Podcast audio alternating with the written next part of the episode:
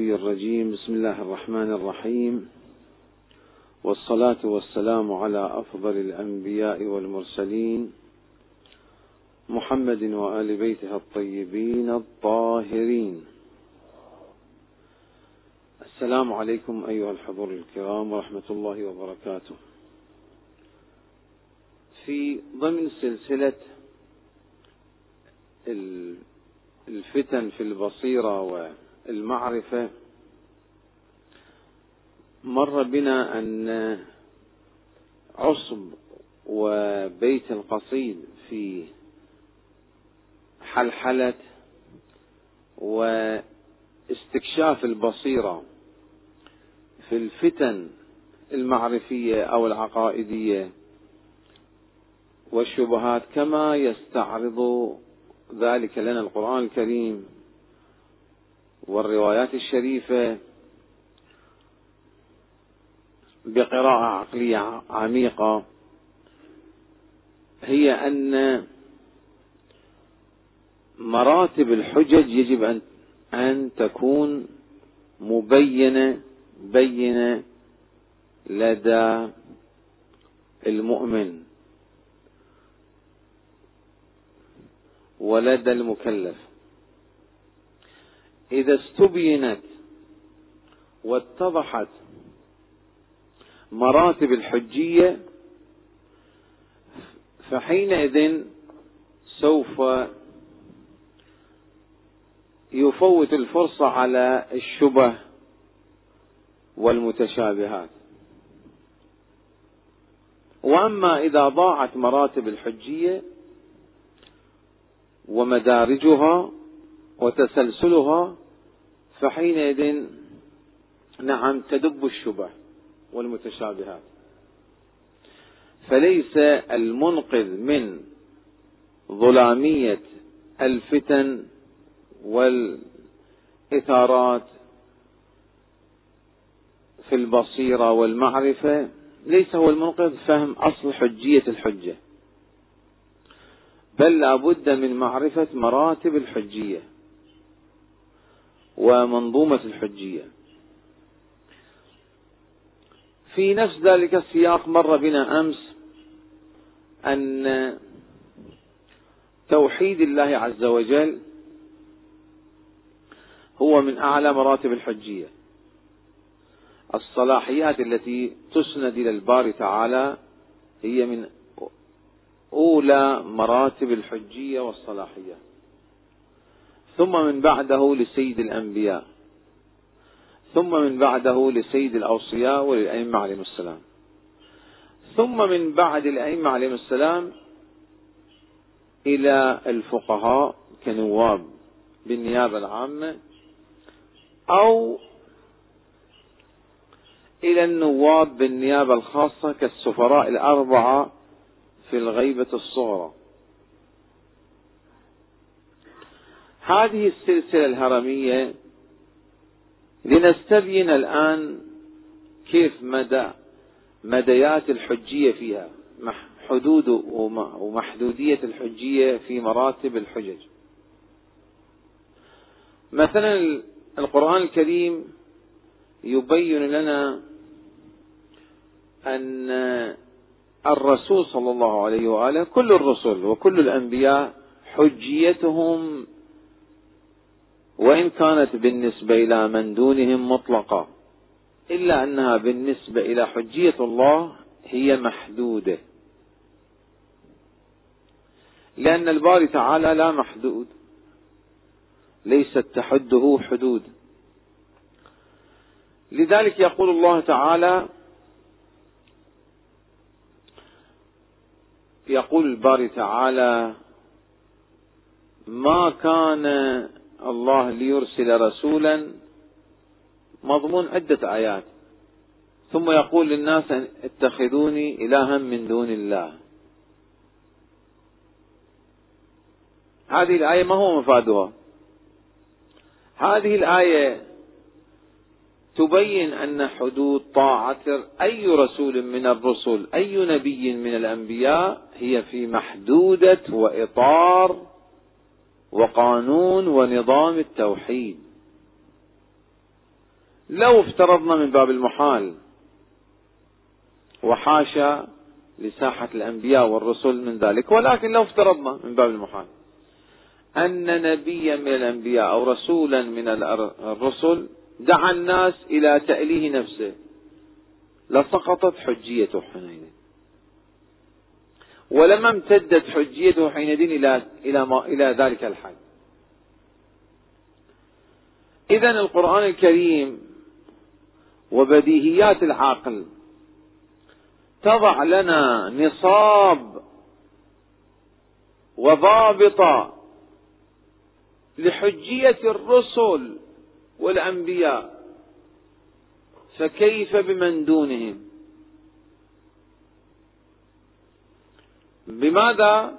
بأنه لا يخرج مشروع الرسل رسالة الرسل شرائع الرسل يجب أن لا تخرج عن التوحيد. توحيد الله تنزيه الله تعظيم الله.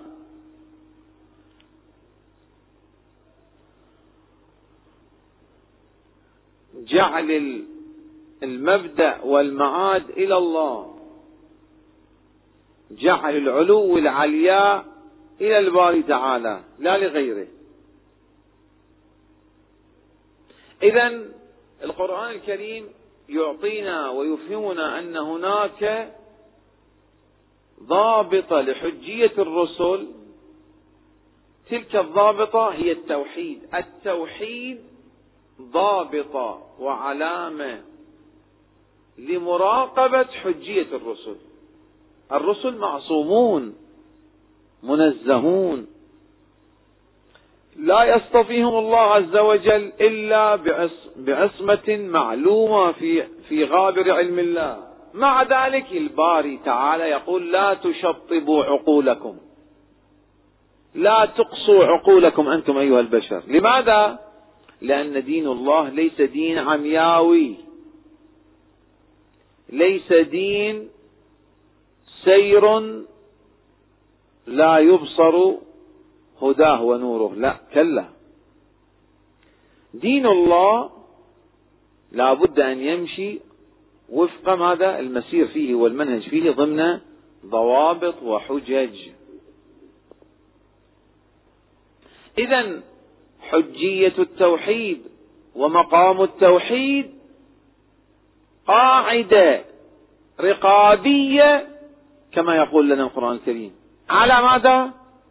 على سبحان الله انظر كيف ما, ما قد يسمى الآن بحرية التفكير في ضمن ضوابط طبعا. الأمانة يعهدها الله عز وجل حتى إلى البشر أن يتثبتوا منها.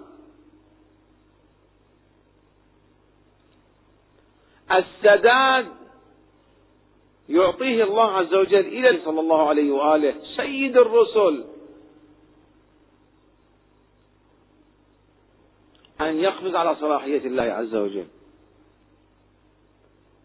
لو افترى على الله والعياذ بالله لأخذنا منه بالوتين. أو لقطعنا منه اليمين. المقصود أن إذا الصلاحيات تتلو بعضها البعض. الحجج تكتنف بعضها البعض. مراتبية تراتبية سلسلة. إذا سيد الشهداء ماذا يقول؟ الزهراء وما أدراك ما الزهراء. سلام الله عليها.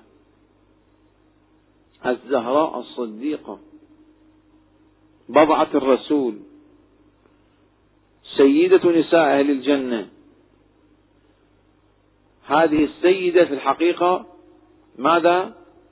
تسود مريم وتسود كل النساء الصالحات المؤمنات.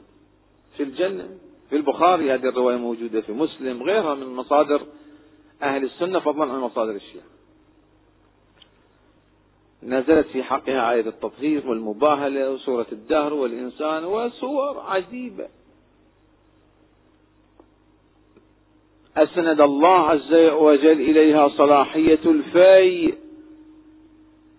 الفي هو كل ثروات الأرض. ما أفاء الله على رسوله من أهل القرى فلله لام لام تصرف وملكية تدبير وللرسول ولد القربى أقرب قرب النبي الزهراء سلام الله عليه إذا النصوص مفعمة في حقها سلام الله عليها. مع ذلك في خطبتها ومحاججتها مع السلطة ماذا قالت؟ قالت لا أورث هل أنا وأبي أهل ملتين؟ انظروا ماذا تقول. يعني والعياذ بالله حاشا وكلا لهذه الطهرة الطاهرة الصديقة المعصومة أن تخرج. عن العصمة ولكن من باب أن تقول للعقول أن دين الإسلام ليس دين, عما دين عماية. دين بصيرة. أبصروا بعقولكم. هل خرجت عن ملة أبي كي لا أرثه إذا حجية الزهراء مع عصمتها في ظل ملة الدين ضرورة سنة أبيها وفرائض الله. الزهراء هذه وما أدراك ما الزهراء؟ عظمتها. يقوم النبي إجلالا لها ويقبل يديها. حوراء إنسية. فطمت شيعتها ومحبي شيعتها ومحبي محبي شيعتها من النار. هذه التي لها هذه المقامات الأخروية والتكوينية وما شابه ذلك. مع ذلك يقول تقول هي تعلم الناس لا تسدوا عقولكم لا تسدوا بصائركم لا تكونوا عمياويين. حجيتي أنا تحت حجية الله. قاعدة حج قاعدة حجية الله وحجية الرسول فوق حجية الزهراء وحجية الزهراء منضبطة ضمن إطار حجية الله وحجية الرسول. حجية الله مهيمنة وحجية الرسول بعد ذلك مهيمنة على حجية الزهراء والأئمة عليهم السلام. لماذا؟ لأن هذه قاعدة رقابية كي يكونوا على بصيرة. كي لا ينفل في هذا الدين من ينصب الحيل وفخاخ الفكر والمتشابهات. يعلمون الناس على الرقابة الفكرية والرقابة المعرفية كي لا تسول لضعاف النفوس التسلل في مناصب هذا الدين ولا هم معصومون ولكن لأجل تفعيل المراقبة الفكرية، المراقبة المعرفية، وأنها ممنهجة مترتبة تراتبية ضمن منظومة. وكل حجية لها محدودية، لا إطلاق في البين. ولا تعميم كي تعمل عقول وتعمل معارف وتنطمس البصائر.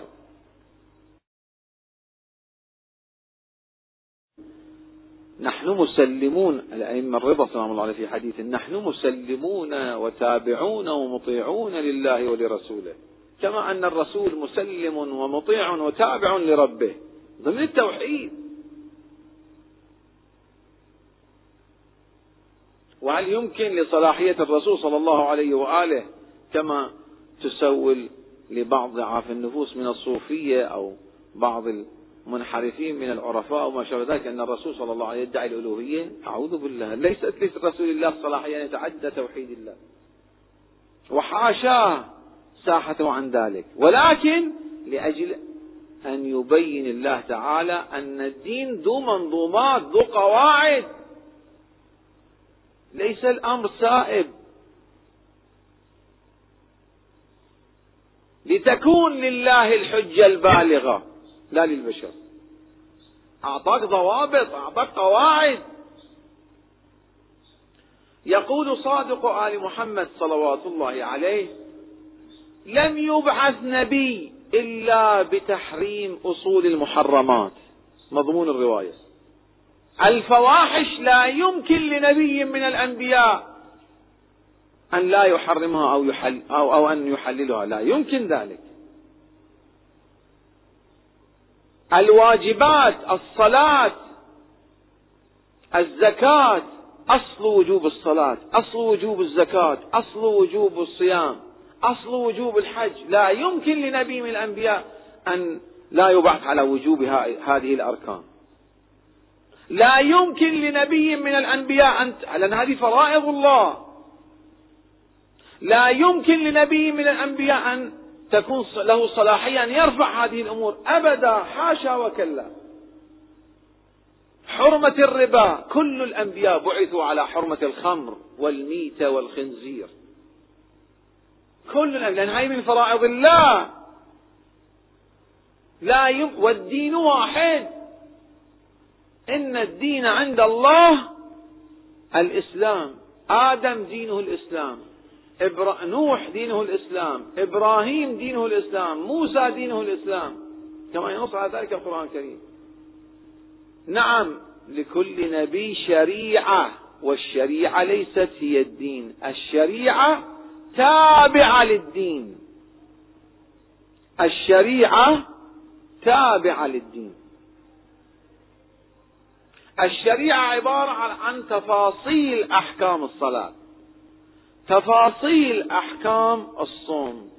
تفاصيل أحكام الحج. تفاصيل أحكام الأركان. أما أصل الأركان هي فرائض الله عز وجل. الدين عبارة عن العقائد وأركان الفروع. هذه هي دائرة الدين. هذه موحدة بين جميع الأنبياء والرسل. لماذا؟ لأنها فرائض الله عز وجل. لم يبعث نبي إلا بها وليست صلاحيات أي نبي يمكن أن تتخطى هذه الدائرة. لكل منكم جعلنا شرعة ومنهاجا. نعم صحيح.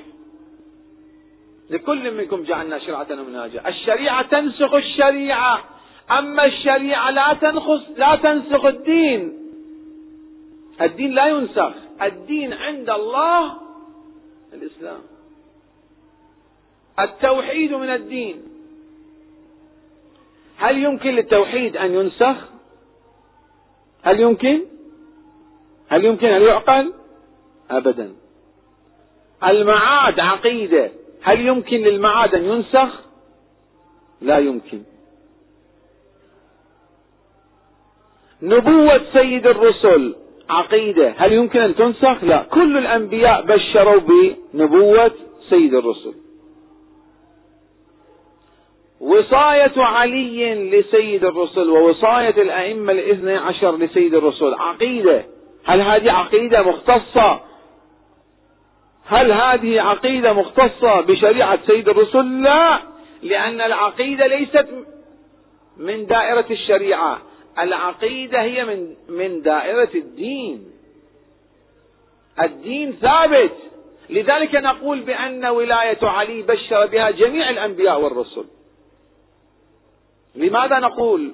بأن ولاية علي بشر وولاية الأئمة عليهم السلام بشر بها جميع الأنبياء والرسل لأن ولاية علي جزء العقيدة وليست من تفاصيل فروع الدين من الشريعة. اليوم أكملت لكم ماذا؟ لم يقت... انظروا الآية لم تقل أكملت لكم شريعتكم. ولاية علي من الدين من العقيدة وليست من تفاصيل فروع الدين الجزئية. بنية بنيوية في الدين وإذا كانت بنية بنيوية في الدين كل الأنبياء بعثوا بهذا الدين. إذا كانت آية الغدير تنص على أن ولاية علي من الدين والدين هذا بعث به جميع الأنبياء والرسل فمن ثم جميع الأنبياء والرسل بعثوا بولاية علي.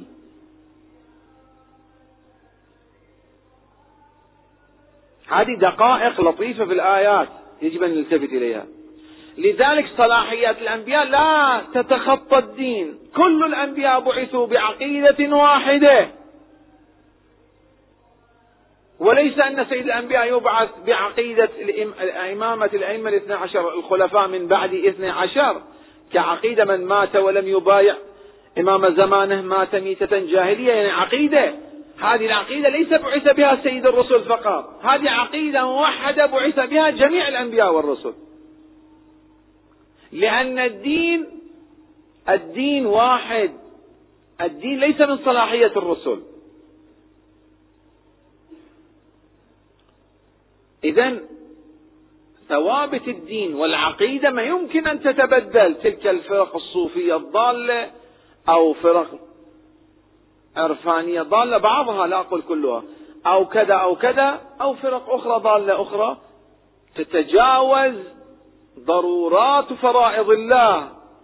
هذه ليست من صلاحية الرسل فضلا أن تكون صلاحية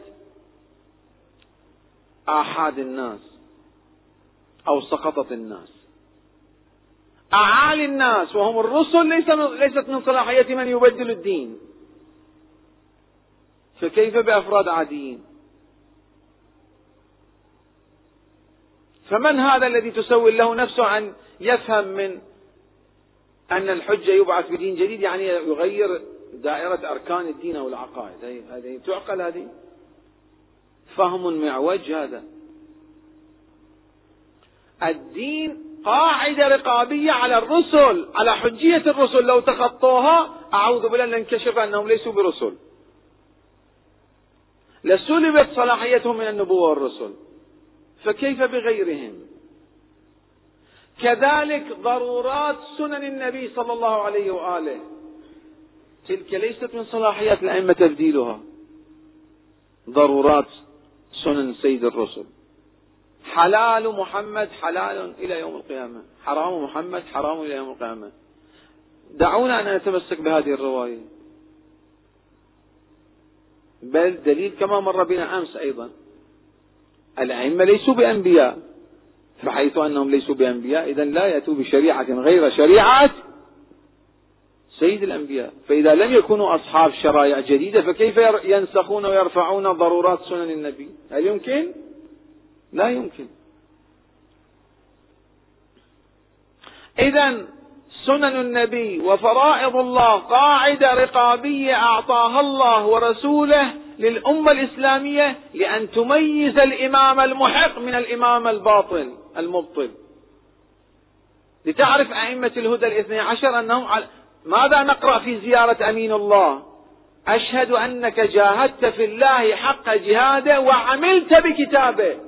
تابع لضرورات فرائض الله. وعملت بكتابه وسنن نبيه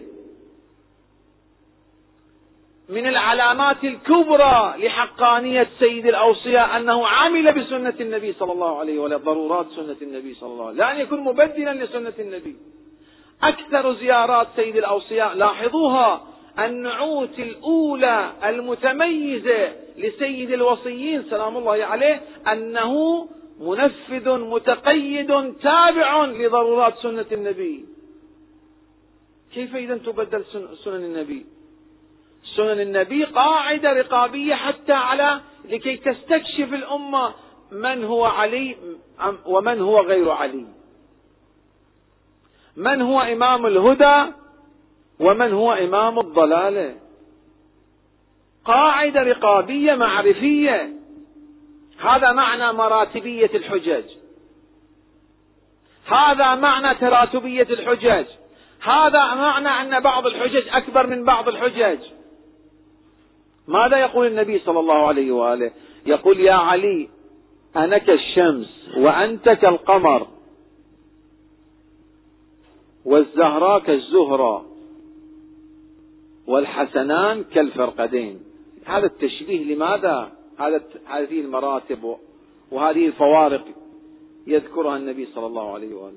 لكي يبين بأن حجية الرسول فوق حجية سيد الأوصياء وحجية سيد الوصيين فوق حجية الزهراء وحجية الزهراء فوق حجية الحسنين. سيدا شباب أهل الجنة لا يمكن أن يتخطيا موقف الزهراء. من من مما اتخذ اتخذته موقفا في الأحداث التي جرت بعد رسول الله. ما يمكن لإمام من أئمة أهل البيت الأح الأح عشر أن يتخطوا موقف الزهراء لما؟ لأن هي حجة. سلام الله عليها. حجيتها فوق. وكذلك حجية الحسنين سلام الله عليهما فوق حجية التسعة. هل يمكن أعوذ بالله هذا من يتخيل هذا؟ أن الإمام المهدي يدعو إلى معاداة آبائه عجيبا غريبا. كيف يعني يمكن أن الإمام المهدي يدعو إلى معاداة علي عليه السلام. كيف يمكن يكون من يتخيل يتوهم هذا؟ حاشا للإمام الثاني عشر من ذلك. أقصد من تسول له نفسه أن يحتمل أو يتفهم ذلك. كيف يعني يمكن يكون؟ وهل يمكن أن تكون هناك دعوة من الإمام المهدي عجل الله تعالى فرجه الشريف لهدم قبور آبائه ومراقدهم وعدم تعظيمهم؟ هل يمكن أن يكون من الإمام المهدي أن ينبذ اتباع روايات آبائه وسنن آبائه الضرورية؟ حاشا وكلا. لذلك انظروا في كتاب الغيبة للشيخ الطوسي وكتاب كمال الدين للصدوق وكتاب الغيبة النعماني وغيرها من كتب الأصحاب. الأسئلة التي وجهت للحجة عجل الله تعالى فرجه الشريف على يد النواب الأربعة أكثر تسعين, بالمئة من أجوبة الحجة عجل الله تعالى فرجه الشريف. وتوقيعاته الشريفة كلها إرجاعات لضرورات سنن آبائه الأئمة السابقين عليهم السلام. لأنه تراث آبائه ضرورات تراث آبائه نقول متواترات تراث آبائه كيف يحج أن يتخطاها؟ بل يؤكد عليها ويشدد يد الناس عليها لأنها قاعدة رقابية معرفية. لاستقامة الإمام الثاني عشر. نحن إنما اعتقدنا بالإمام الثاني عشر لاعتقادنا برسول الله. إنما اعتقدنا بالإمام الثاني عشر لاعتقادنا بالإمام علي بن أبي طالب. إنما اعتقدنا بالإمام الثاني عشر لاعتقادنا بظلامة بمظلومية الزهراء. وبالزهراء سلام الله عليها. إنما اعتقدنا بالإمام الثاني عشر لاعتقادنا بالحسنين. فكيف يمكن لإمامة الإمام الثاني عشر أن تتخطى إمامة أئمة أهل البيت عليهم السلام؟ حاشا وكلا. قاعدة معرفية إذا رقابية وحجية. كيف يكون هناك من تسول له نفسه أو بصيرته أو عقليته أو ذهنه أن الإمام المهدي والعياذ بالله حاشا لساحة الإمام الثاني عشر المعصوم من ذلك؟ ولكن كيف يتسنى لعاقل أن يفكر أن الإمام الثاني عشر يدعو لعدم لحرمة التوسل بآبائه. لحرمة التوجه بآبائه. هم أبواب الله كيف يدعو إلى الصد عنهم؟ وعدم التوجه بهم. وتحقيرهم والعياذ بالله. وتصغيرهم والعياذ بالله. والاستخفاف بهم والعياذ بالله. كيف يمكن؟ وهل الإمام الثاني عشر يبعث بدين جديد؟ حقيقة يعني ينسخ دين الرسول صلى الله عليه وآله؟ هذه معنى يا أخوان أن بيت القصيد في شق وإجلاء عماية الفتن المعرفية وعماية الفتن العقائدية وعماية الفتن والمتشابهات أن تنتظم لديكم منظومة الحجج المراتبية.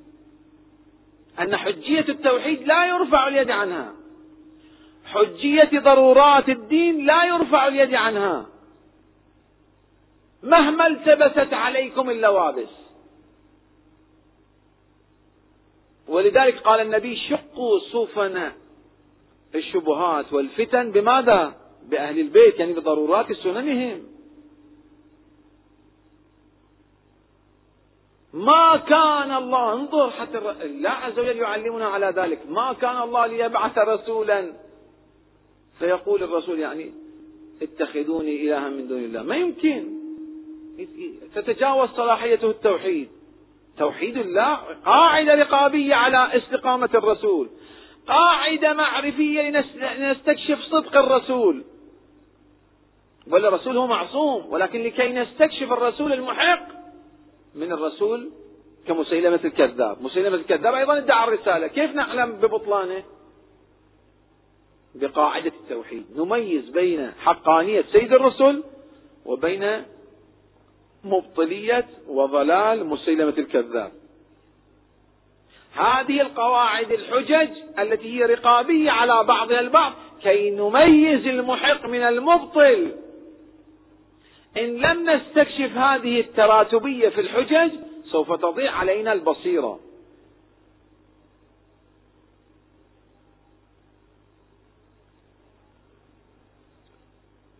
وكذلك حتى في معرفة التوحيد يخاطبنا الله عز وجل بأن أن الله عز وجل لا يطالبنا بمعرفته ومعرفة توحيده خلاف بديهيات العقل. هل الله يأمر بالظلم؟ ماذا يقول الله عم هذه آيات عظيمة عجيبة؟ كيف تبين للإنسان أن بديهيات العقل صرح مشيد؟ ليس الله بظلام وما كان الله بظلام؟ لماذا يدافع الله عن نفسه؟ أو هل يقع الريب في أن الله نشكك في في الله عز وجل في أمانة الله عز وجل. لكي يبين لنا الله عز وجل بأن بديهيات العقل بأن بديهيات العقل من قبح الظلم. هذه قاعدة معرفية لرقابة معرفتكم بالله. فلا تقصوا ولا تشطبوا ولا تسدوا ولا تلغوا ولا تلغوا. عقولكم. العقل لا يلغى. لا يسد لتكون لله الحجة البالغة. ليهلك من هلك عن بينة. ويحيى من حي من حي على بينة. إذا كانت إذا كان الله عز وجل في معرفتنا به يقول استشرفوا الرقابة المعرفية في معرفتي. فكيف بك بمن دون الله؟ كيف يطالب بإلغاء العقل وبإلغاء التمييز العقلي والإدراك العقلي؟ والميزان والموازين العقلية في غير الله وفي غير المعصومين. كيف؟ أبدا. هذا الدين الذي قائم صرحه المشيد على البصيرة وعلى العقل. وعلى اللب وعلى التفكر أبدا لا يسد باب العقل ولا يسد باب اللباب والبصيرة والإدراك.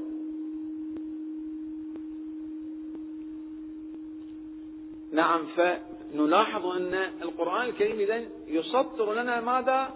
قواعد في الحجج. تعلو بعضها البعض تترتب تلو بعضها البعض.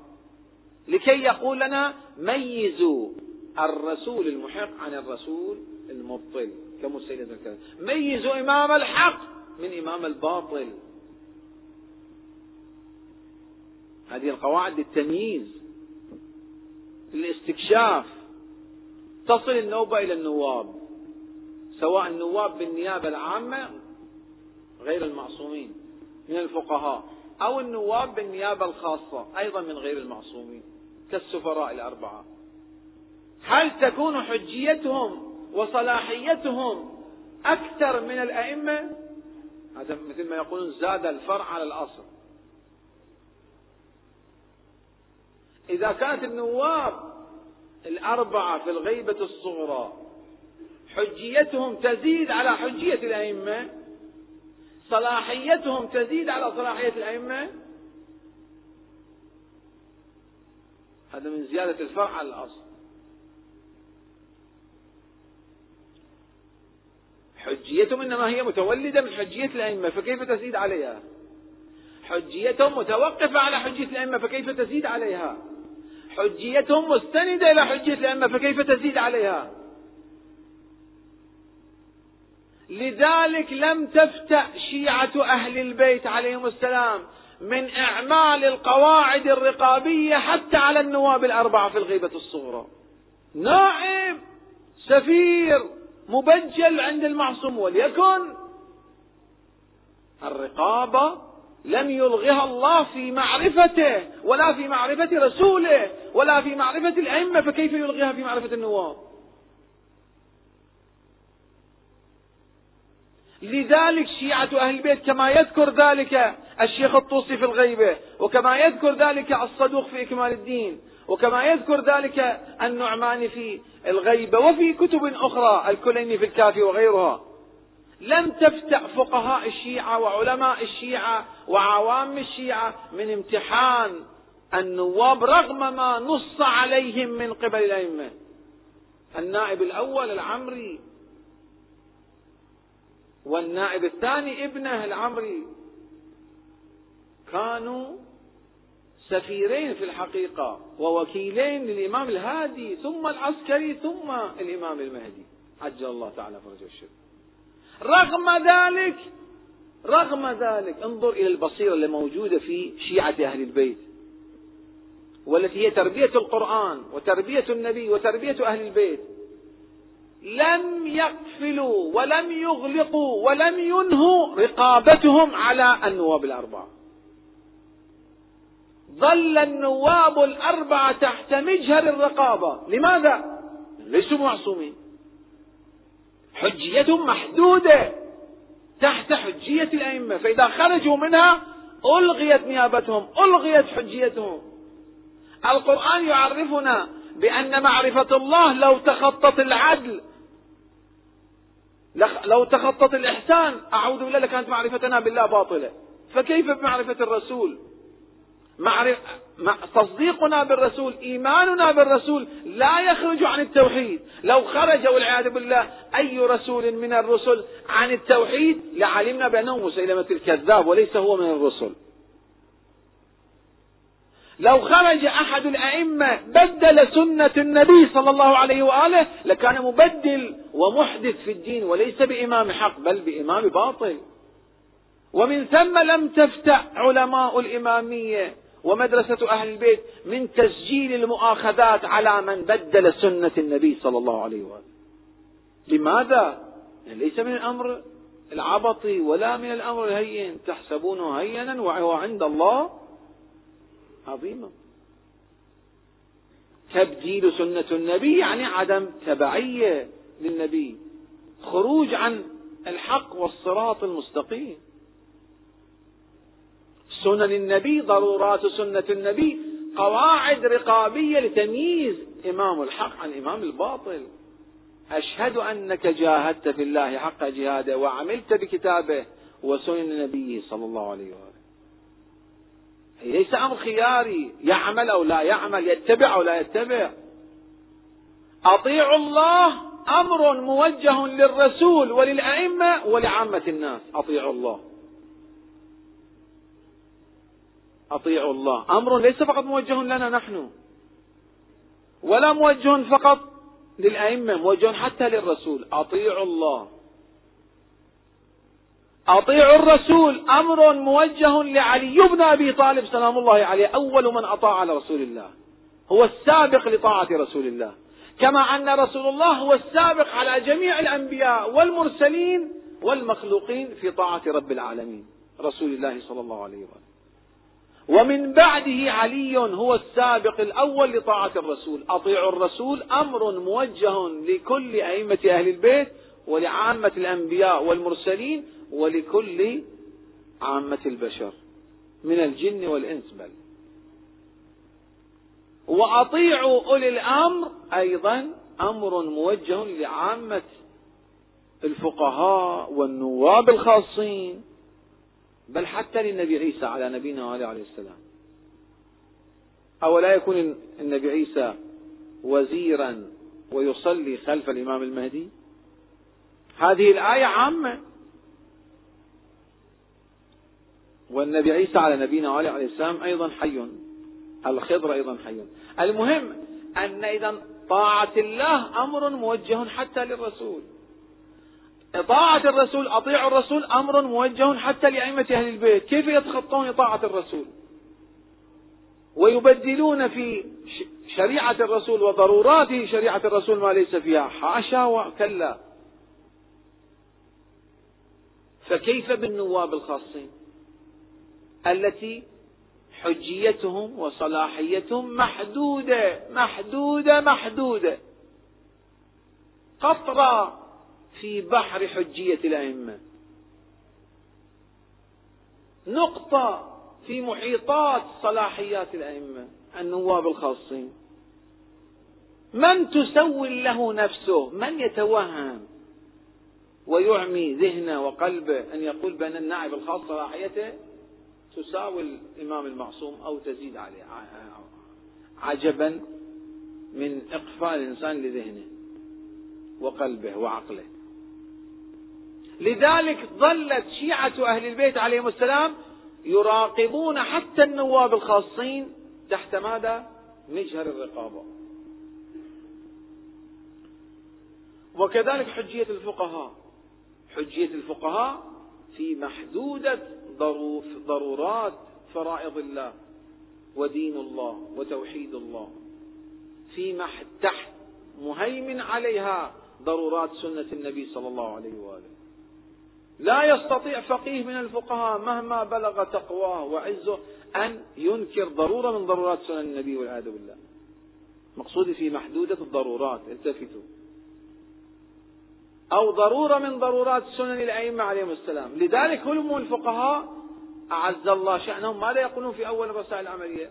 يقولون صلاحيتنا في الفتية محدودة في ماذا؟ في غير الضروريات.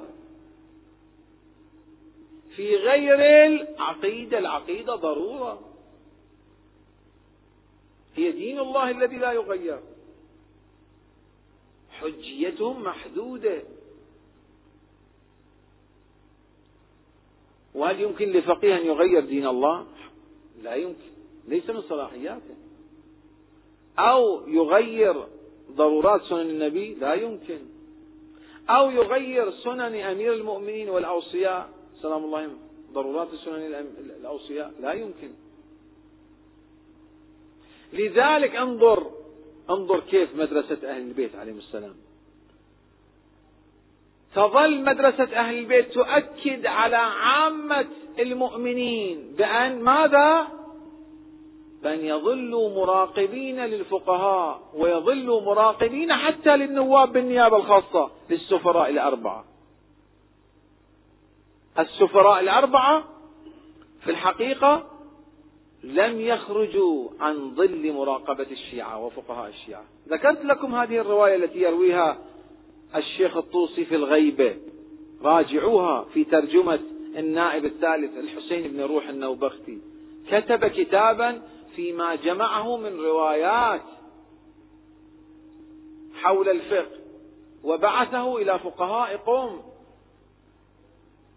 وصححوا ما وصححوا ما فيه. انظر انظر كيف توزع الصلاحيات. النواب الأربعة والسفراء الأربعة لم تكن حجيتهم تلغي حجية الفقهاء.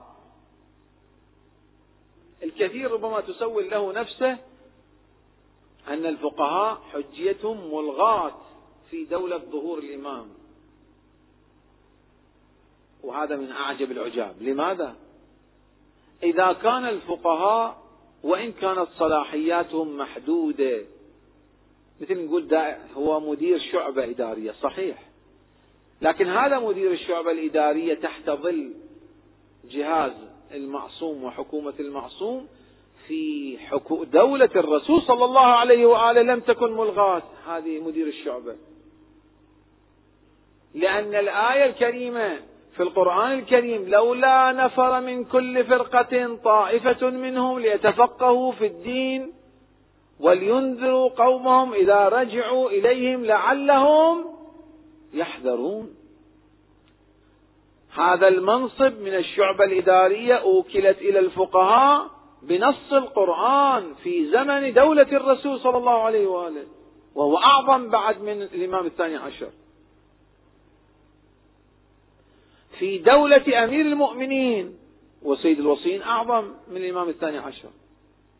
في دولة الإمام الحسن المجتبى وهو أعظم من الإمام الثاني عشر سلام الله عليه. وسلام الله وصلوات الله عليهم أجمعين. في ظل حضور أئمة أهل البيت كذلك في ظل قيادة وإمامة سيد الشهداء ثم زين العابدين ثم الصادق. في عهد الإمام الصادق عليه السلام الكوفة كانت تعج وتضج ويكثر فيها بيوت المرجعية. زرارة كان بيت من بيوت المرجعية في الكوفة. لاحظوا روايات أهل البيت.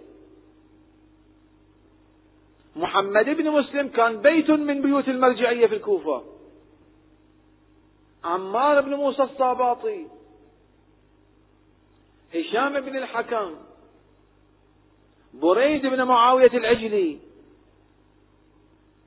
وغيرهم وغيرهم. لاحظوا كتب التاريخ حتى الطبري. لاحظوا حتى كتاب الكشي في عهد الإمام الصادق أبان بن تغلب كان من مراجع الكوفة فقهاء. إني أحب يقول الباقر لأبان بن تغلب إني أحب أن يرى في أصحابي مثلك. اجلس في المجلس وافت الناس. لأن المعصوم خب لا يستطيع أن بحكم القاعدة البشرية أن يرتبط مع كل فرد فرد بشري. لابد من جهاز. هذا الجهاز قد حدده الله عز وجل بأن يكونوا أيدي أحد أيدي وسواعد. المعصوم من؟ الفقهاء. من يتفقه في الدين. يكون ورعا تقيا. هذا دوره بنص من الله. بنص وفريضة من الله. أن يجعل عون من أعوان المعصوم. أن يجعل إصبعا من أصابع المعصوم. خادما من خدام المعصوم. هذه هذه افتراض من الله عز وجل. هذه الآية لا تنسخ. هذه الآية لولا نفر من كل فرقة طائفة منهم ليتفقهوا في الدين ولينذروا قومهم إذا رجعوا إليهم لعلهم يحذرون. هذه الآية يا أخوان ماذا ستظل خالدة إلى يوم القيامة؟ فمن ذا الذي تسول له نفسه أن يقول أن هناك قطيعة بين الفقهاء الصالحين؟ العدول وبين مسار المعصوم. إذا المعصوم يتخذ سواعد له الجهال والعياذ بالله. هذا أمر من الله. فرض من الله على المعصوم بأن يستخدم خدامه من؟ من يكون ذو كفاءة وهو الفقه والفقاهة لا الجهل والجهالة لذلك قال أئمة أهل البيت أن الفقهاء مرابطون على الثغور لماذا؟ ثغور المعرفة ثغور البصيرة. لا يستطيع أصحاب الدجل والعداء والحيل والزيف والباطل أن ينفذوا إلى حومة الدين. ما دام ماذا؟ جند المعصومين موجودين. وهم من؟ الفقهاء. لولا اقرأوا هذه الآية بتمعن. مع أن حجية الفقهاء محدودة تحت ظل حجية المعصومين. قطرة في حجية المعصومين. نقطة في محيطات سماء المعصومين سلام الله عليهم. ولكن هذه النقطة هي نظام جهاز المعصومين. بهندسة من الله عز وجل بتخطيط من الله عز وجل. لماذا؟ لأن الله عز وجل أراد لهذا الجهاز أن لا يخترق. أراد لهذا الجهاز أن يحصنه. لذلك قال أئمة أهل البيت الفقهاء حصون الإسلام. المعصوم المعصوم لابد أن يتخذ حصنا. أعوانا له يعينوه بنص الآية الكريمة بنص القرآن.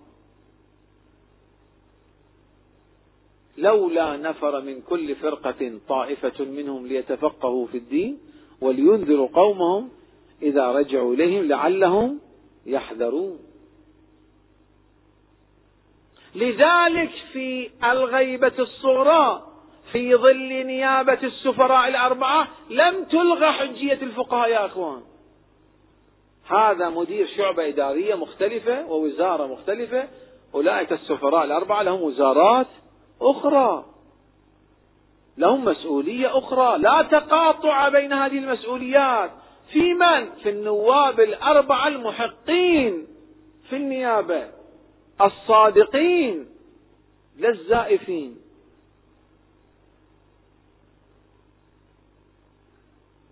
ولذلك في ظل الغيبة الصغرى كم يترحم الإمام الثاني عشر؟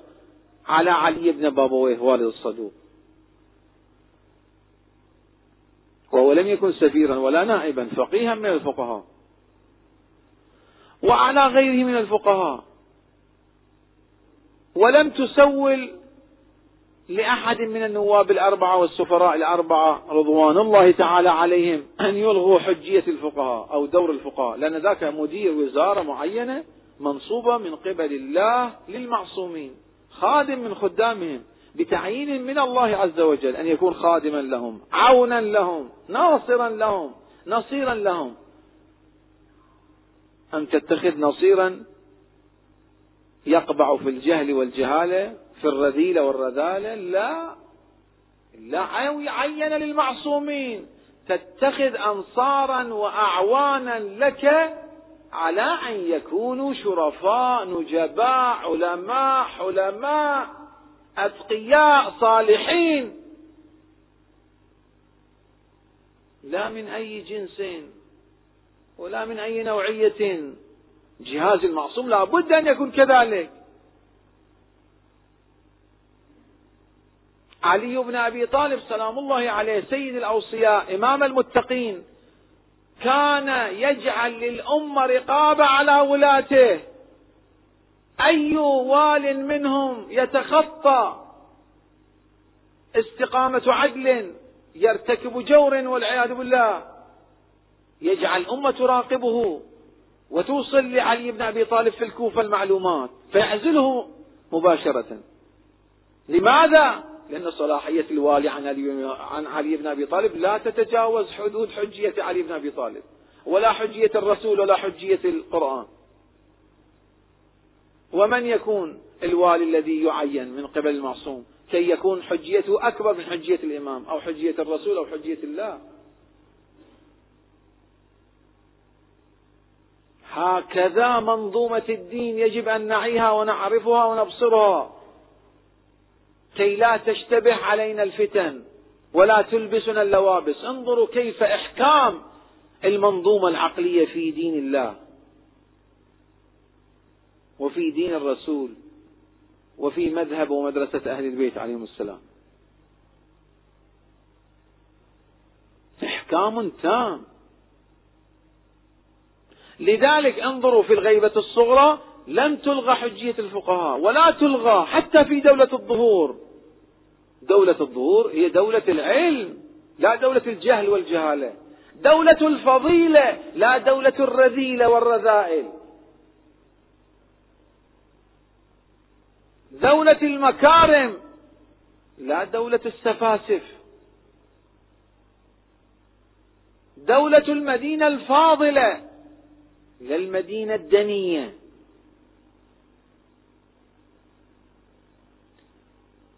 هذه الآية وأنزلنا التوراة يحكم بها النبيون الذين أسلموا للذين هادوا والربانيون والأحبار بما استحفظوا من كتاب الله. أعيد الآية كي تتدبروا فيها. وأنزلنا التوراة. هذا ليس خاص بالتوراة هذا من الدين الذي يعم كل بعثات الأنبياء. وأنزلنا التوراة يحكم بها حكم قضاء سلطة تنفيذ. حكومة سياسية وقضائية وتشريعية وفتوائية وكلها. يحكم بها النبيون. للذين هادوا الذين أسلموا للذين النبيون الذين أسلموا للذين هادوا. والربانيون يعني الأوصياء الأئمة المعصومين. والأحبار يعني العلماء والفقهاء. رتبتهم تأتي ماذا؟ بعد رتبة الأنبياء وبعد رتبة الأوصياء. وإن كان الفقهاء قطرة من سماء الأئمة لا يقاس بهم أحد الأئمة. ولكن لا يشطب دور الفقهاء. لماذا؟ لأن الله افترض أن يكون عون المعصوم نصير المعصوم. سواعد المعصوم العلماء الفقهاء لا الجهل والمفضولون والمتهتكين فاضلون. هذا يمكن يعني قلب المقاييس العقلية؟ إذا نشطب لابد على عقولنا. هو الله عز وجل يحتج لنا على ألوهيته بأنه ليس بظلام للعبيد. الله رب الخلائق. يقول استشرفوا واستكشفوا ألوهيتي بعدالتي. فليطالبنا بشر من البشر أن لا يعدل ويظلم ويخزي المخازي ويكون بالتالي صالح مقرب إلى الله. كيف يعني نريد أن نرغي عقلنا؟ والله عز وجل يقول أحيوا عقولكم بالمعرفة بالبصيرة بالموازين. مراتب الحجج تراتب الحجج. إذا يتشبك لي أحدهم ويقول الرواية بأن الحجة عجل الله تعالى فرجه الشريف يقتل في الفقهاء أو العلماء. هي رواية صريحة ما موجودة. رواية سندها كيف؟ دلالتها كيف؟ ظن في ظن خبط بخبط. يقول فبالتالي هذه الآية الكريمة ما نعمل بها؟ ليتفقهوا في الدين. ليس لهم منصب. انظر كيف تحكيم المتشابهات المتخرصات على المحكمات. هذا الذي أنذرنا القرآن الكريم بأن نحكم المتشابهات نسلط المتشابهات على على ماذا؟ على المحكمات. هذا هو الزيغ هذا هو الضلال. ضلال يا لك من ضلال. هو الذي أنزل الكتاب منه آيات لماذا يخبرنا بذلك؟ ليقول لك لتكن لديكم منهجية في التفكير. لتكن لديكم منهجية في المعرفة في البصيرة. لا عشوائية وخبط وهمجية وفوضوية. هو الذي أنزل الكتاب. منه آيات محكمات وأخر متشابهات. فأما الذين في قلوبهم زيغ فيتبعون ما تشابه يتركون المحكمات. وهذا مرض عقلي. أعوذ بالله من المرض العقلي. لو كان مرض جنسي مرض أخلاقي طبعا قد يؤدي بعد المرض العقلي كما قالت العقيلة سلام الله عليها. فكانت عاقبة الذين أساءوا السوء عندما خاطبت يزيد. أن كذبوا لأن الإنسان إذا توحل في الرذائل يعمي الله لديه ماذا؟ بصيرة عقله. كما قالت العقيلة عقيلة الطبع تذكر لنا درسا عظيما من القرآن. تخاطب يزيد. فكانت عاقبة الذين أساءوا السوء عمل سيء. أن كذبوا. حتى عقله يفقده يكذب بتوحيد الله. بمعرفة الله. تعمى لديه ماذا؟ البصائر. العفاف الطهارة التقوى توجب قوة عقل لدى الإنسان.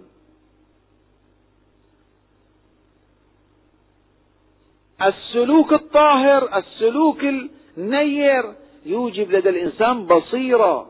هناك الإنسان مجموعة وجود من قوى تؤثر بعضها في البعض الآخر. لا يحسب الإنسان تبقى لديه بصيرته وعقله وتمييزه إذا كان يرتكب المحرمات والعياذ بالله.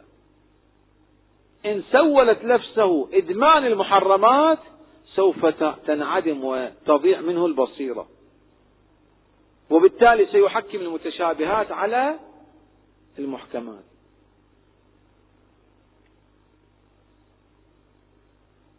يقول أنا عاقل أنا مفكر أنا تعلمت العلم هذا لا يكفي. إن لم يرابط على التقوى والعفاف والطهارة والصلاح سوف يفقد منه حتى البصير. تسلب منه البصيرة والعقل والتمييز. فأما الذين في قلوبهم زيغ يتبعون ما تشابه مع أن القرآن يوصي باتباع المحكمات. فيتبعون ما تشابه منه ابتغاء الفتنة. يحكون مصائب وفخاخ. اتباع الفتنة وابتغاء تأويله. وما يعلم تأويله إلا الله والراسخون في العلم. فإذا لا بد يا أخوان المحكمات ومر بنا كل حجة أكبر تعتبر للحجة الأدون محكم. الآن البشر الذين كانوا في زمن رسول الله كيف ميزوا بين حقانية رسول الله صل... سيد الرسول صلى الله عليه وآله وبين بطلان وسيلمة الكذاب؟ بالتوحيد. ببديهة العقل بمكارم الأخلاق. مسيلمة كان يفحش كان يظلم كان كان كان يرذل. عقلهم يهتدي إلى ذلك أن هذا كيف هذا يكون داعية إلى الله عز وجل؟ هو الله ليس بظلام للعبيد الله يدعو إلى الإحسان يأمر بالعدل. فكيف برسوله؟ يميز حينئذ بين الرسول المحق والرسول المبطل. يحكم عقولهم. أما أن أؤول ابتغاء الفتنة وابتغاء تأويله أؤول كي أعمي عقلي. أؤول كي أعمي المحكمات أترك المحكمات وأتبع التأويلات الهلوسات هلوسية وأترك المحكمات. انظر كيف هذه الآية معجزة في القرآن الكريم. تبين لنا منهج فكري. إياك إياك أن تسول لك نفسك أن تتبع المتشابهات وتتأول وتبرر وتلمع وتصبغ وتلون وتترك المحكمات البينة. هذا يزيغ بك الطريق. إذا هناك مراتب من الحجج. ففي ظل عهد الغيبة الصغرى أيضا نشاهد ماذا؟ أنه لم تلغى حجية الفقهاء وستبقى حجية الفقهاء إلى دولة الظهور وفي ظل دولة الرجعة بل الأئمة عليهم السلام. لأن أعوانهم هم الصلحاء العلماء الفقهاء المتقين لا الجهلاء. ذوي الرديدة والعياذ بالله. كلا وحاشا. فرض من الله أن يكون جهاز المعصوم ومسار المعصوم وأعوان المعصوم على هذا المسير الطاهر العفاف المتحلي بالفضيلة والعلم. ولذا هذا هذه نكتة مهمة يجب أن نلتفت إليها. أن حجية النواب والسفراء في الغيبة الصغرى لم تكن حجية مطلقة. حجية ضمن حدود. تلك الحجية لم تكن تتقاطع مع حجية الفقهاء ولم تكن لتلغي حجية الفقهاء ولا حجية الفقهاء كانت تلغي حجية النواب الأربعة والسفراء الأربعة طبعا في الغيبة الصغرى لأنهم كانوا محقين. أما في الغيبة الكبرى فقد قامت الدلائل والضرورات كما سنأتي إلى ذكرها على إبطال أي مدع للنيابة الخاصة وأي مدع للسفارة.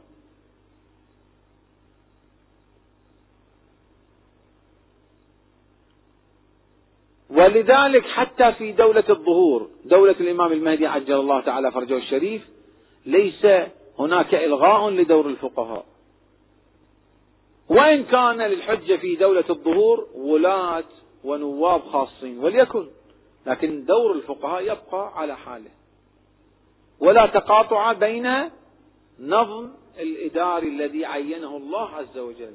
وأنزلنا التوراة يحكم بها النبيون حكم سياسي قضائي تنفيذي تشريعي تنظيمي ما شئت فعبر أي حكم عسكري أمني.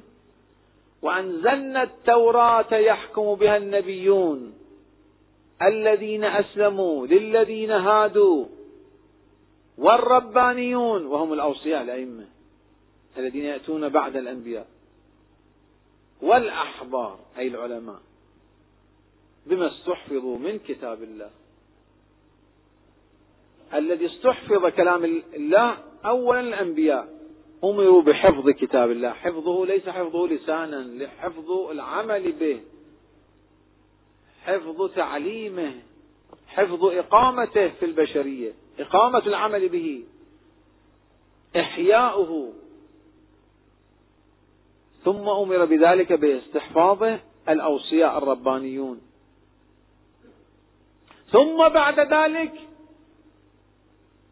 تابعون لهم العلماء. الأحبار هذه آية هي فريضة في كل الشرائع لأنها من فرائض الله من دين الله عز وجل. إذا لابد أن نلتفت إلى حفظ تلك المراتب. لذلك الحسين بن روح النوبختي حيث أن كان مجال الفقه وإن كان هو فقيه من الفقهاء لكن من حيث هو فقيه هو لابد أن يتداول الأمر هذه والصلاحيات مع من؟ مع فقهاء قوم لاحظوا كتاب الغيبة للشيخ الطوسي. وفي ذلك الموطن قال له فقهاء قوم بأن ما, ذكاء ما رويته أنت عن الرواة عن الأئمة كله صحيح إلا مطلب واحد وهو أن الصاع زكاة الفطرة ليست نصف صاع بل هي بضرورة مذهب أهل البيت صاع كامل من الطعام. ولم يقل فقهاء قم أنك أنت نائب فإذا ما شئت فتبين لا. ولا هو أعوذ بالله ادعى ذلك. حاشاه حاشاه هو ويتنزع عن ذلك. ولكن لكي يبين الفقهاء ويبين النائب أن محدودية وصلاحية كل من يوكل من قبل الأئمة محدودة ضمن دوائر يذكر الشيخ الطوسي في كتاب الغيبة والصدوق أيضا في إكمال الدين والنعماني وغيرهم أن فقهاء الشيعة وعلماء الشيعة وعامة الشيعة لن يفتأوا دوما يراقبوا حتى النواب الخاصين. كما أن عامة الشيعة لا يفتؤون يراقبون فقهائهم ومراجعهم أنهم لا زالوا على التقوى لا زالوا على الثبات. لذلك يقول قائل ونعم ما قال يقول لا نجد انتخابا حرا نزيها سديدا للقيادات يعني تقود المجتمعات اللي هم الفقهاء والمراجع. كنظام طائفة أتباع أهل البيت عليهم السلام. حتى النظام الديمقراطي في الغار في أمريكا تتدخل فيه الأموال تتدخل فيه المافيات تتدخل فيه الدعايات والإعلام تتدخل فيه فيه فيه فيه إلى ما شاء الله.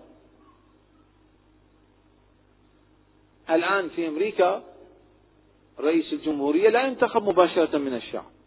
أبدا.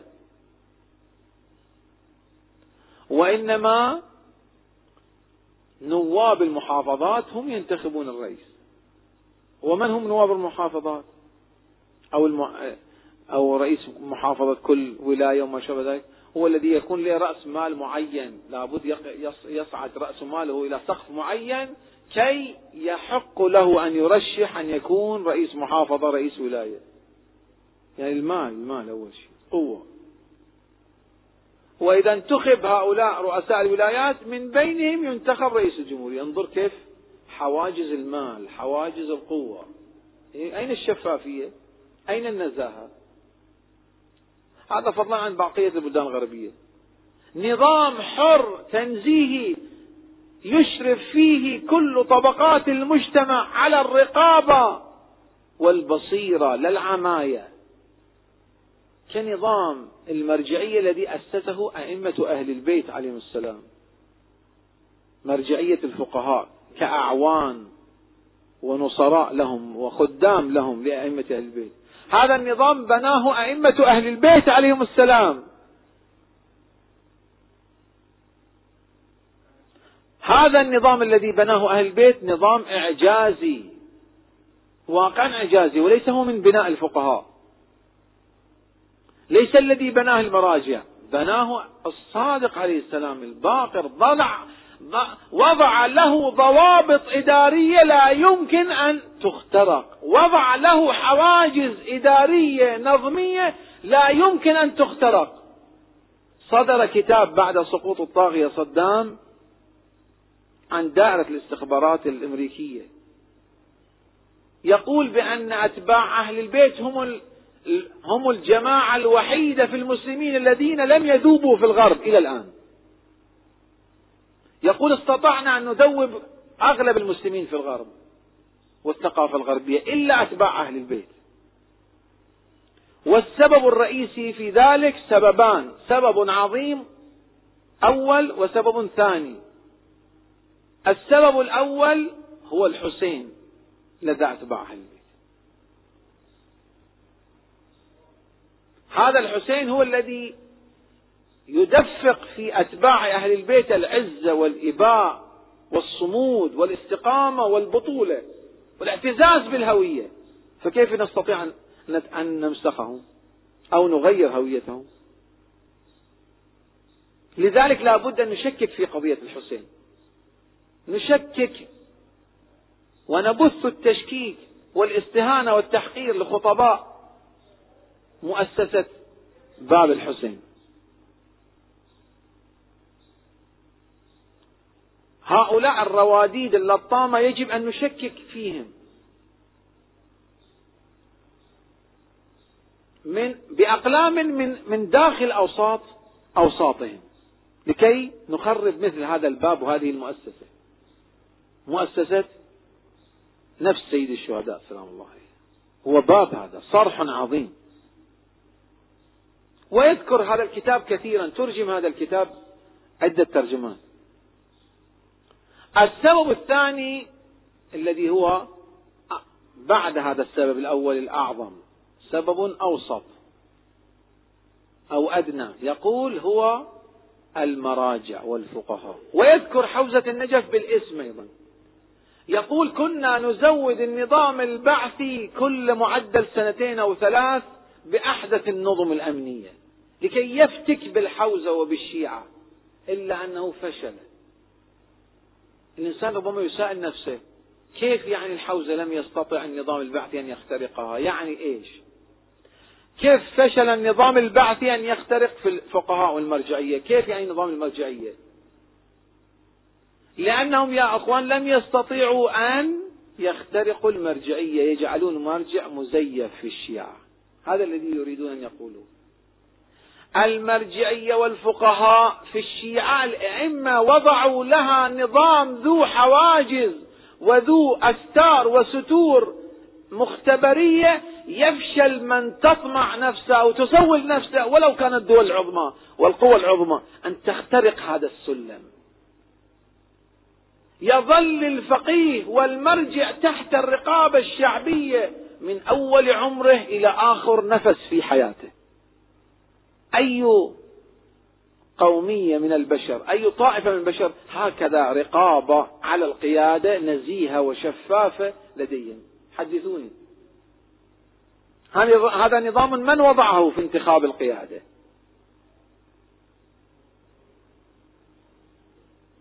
هذا نظام وضعه الأئمة وهذا من إعجاز عمل الأئمة أهل البيت عليهم السلام. لا يمكن لشخص مزيف أو لشخص كرتوني. مهما أوتي من حيل وأساليب أن يخترق هذا المقام المنيع. لماذا؟ لأن هذا النظام الذي وضعه وبناه الأئمة نظام منيع.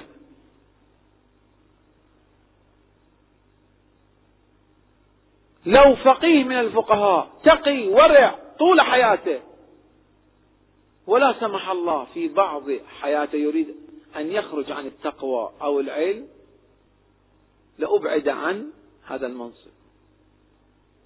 كم يحدثنا التاريخ أن فقهاء صلحاء أجلاء أفرض بن أبي العزاقر الشلمغاني كان من أفقه فقهاء الشيعة في الغيبة الصغرى. كتابه في الفقه رسالته العملية تسمى بكتاب التكليف منتشرة في كل بيوت الشيعة. في العراق في إيران في في إيران في الخليج في غيرها من الأماكن. لا يخلو بيت من الشيعة إلا في هذا الكتاب. فقيه نحرير تقي ورع. إلا أنه والعياذ بالله في أخريات حياته طمع في أن يكون نائبا خاصا أو ما شابه ذلك سفيرا. فخرج عن الموازين. خرج عن الموازين أقصي من قبل أتباع أهل البيت. وصار مصيره إلى أسفل الأسفلين. هذا لا نجده في أمة في نحلة في ملة في مذهب آخر يا أخوان. هذا المذهب مذهب أهل البيت مذهب قائم على نظم إعجازي. كم تاريخ هذا المذهب نير وبديع؟ يسطر لنا أحدث النظم الإعجازية الربانية للرقابة. ابن أبي العزاقر الشلمغاني تسنم مرتبة واحتل مرتبة كبيرة إلا أن الرقابة تظل ضمن التقوى والموازين والعلم. كم فقيه من الفقهاء من أتباع مذهب أهل البيت.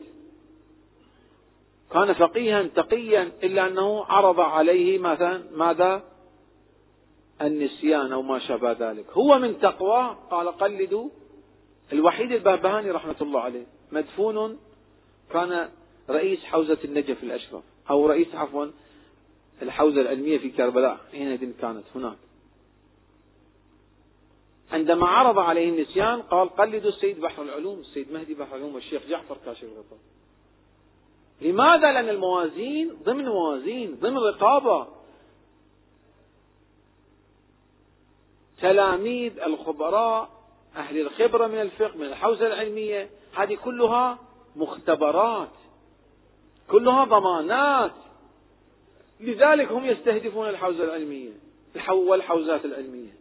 لماذا؟ لأن هذه مختبرات وضمانات وحراس للرقابة العلمية وللرقابة في انتخاب ونزاهة القيادة.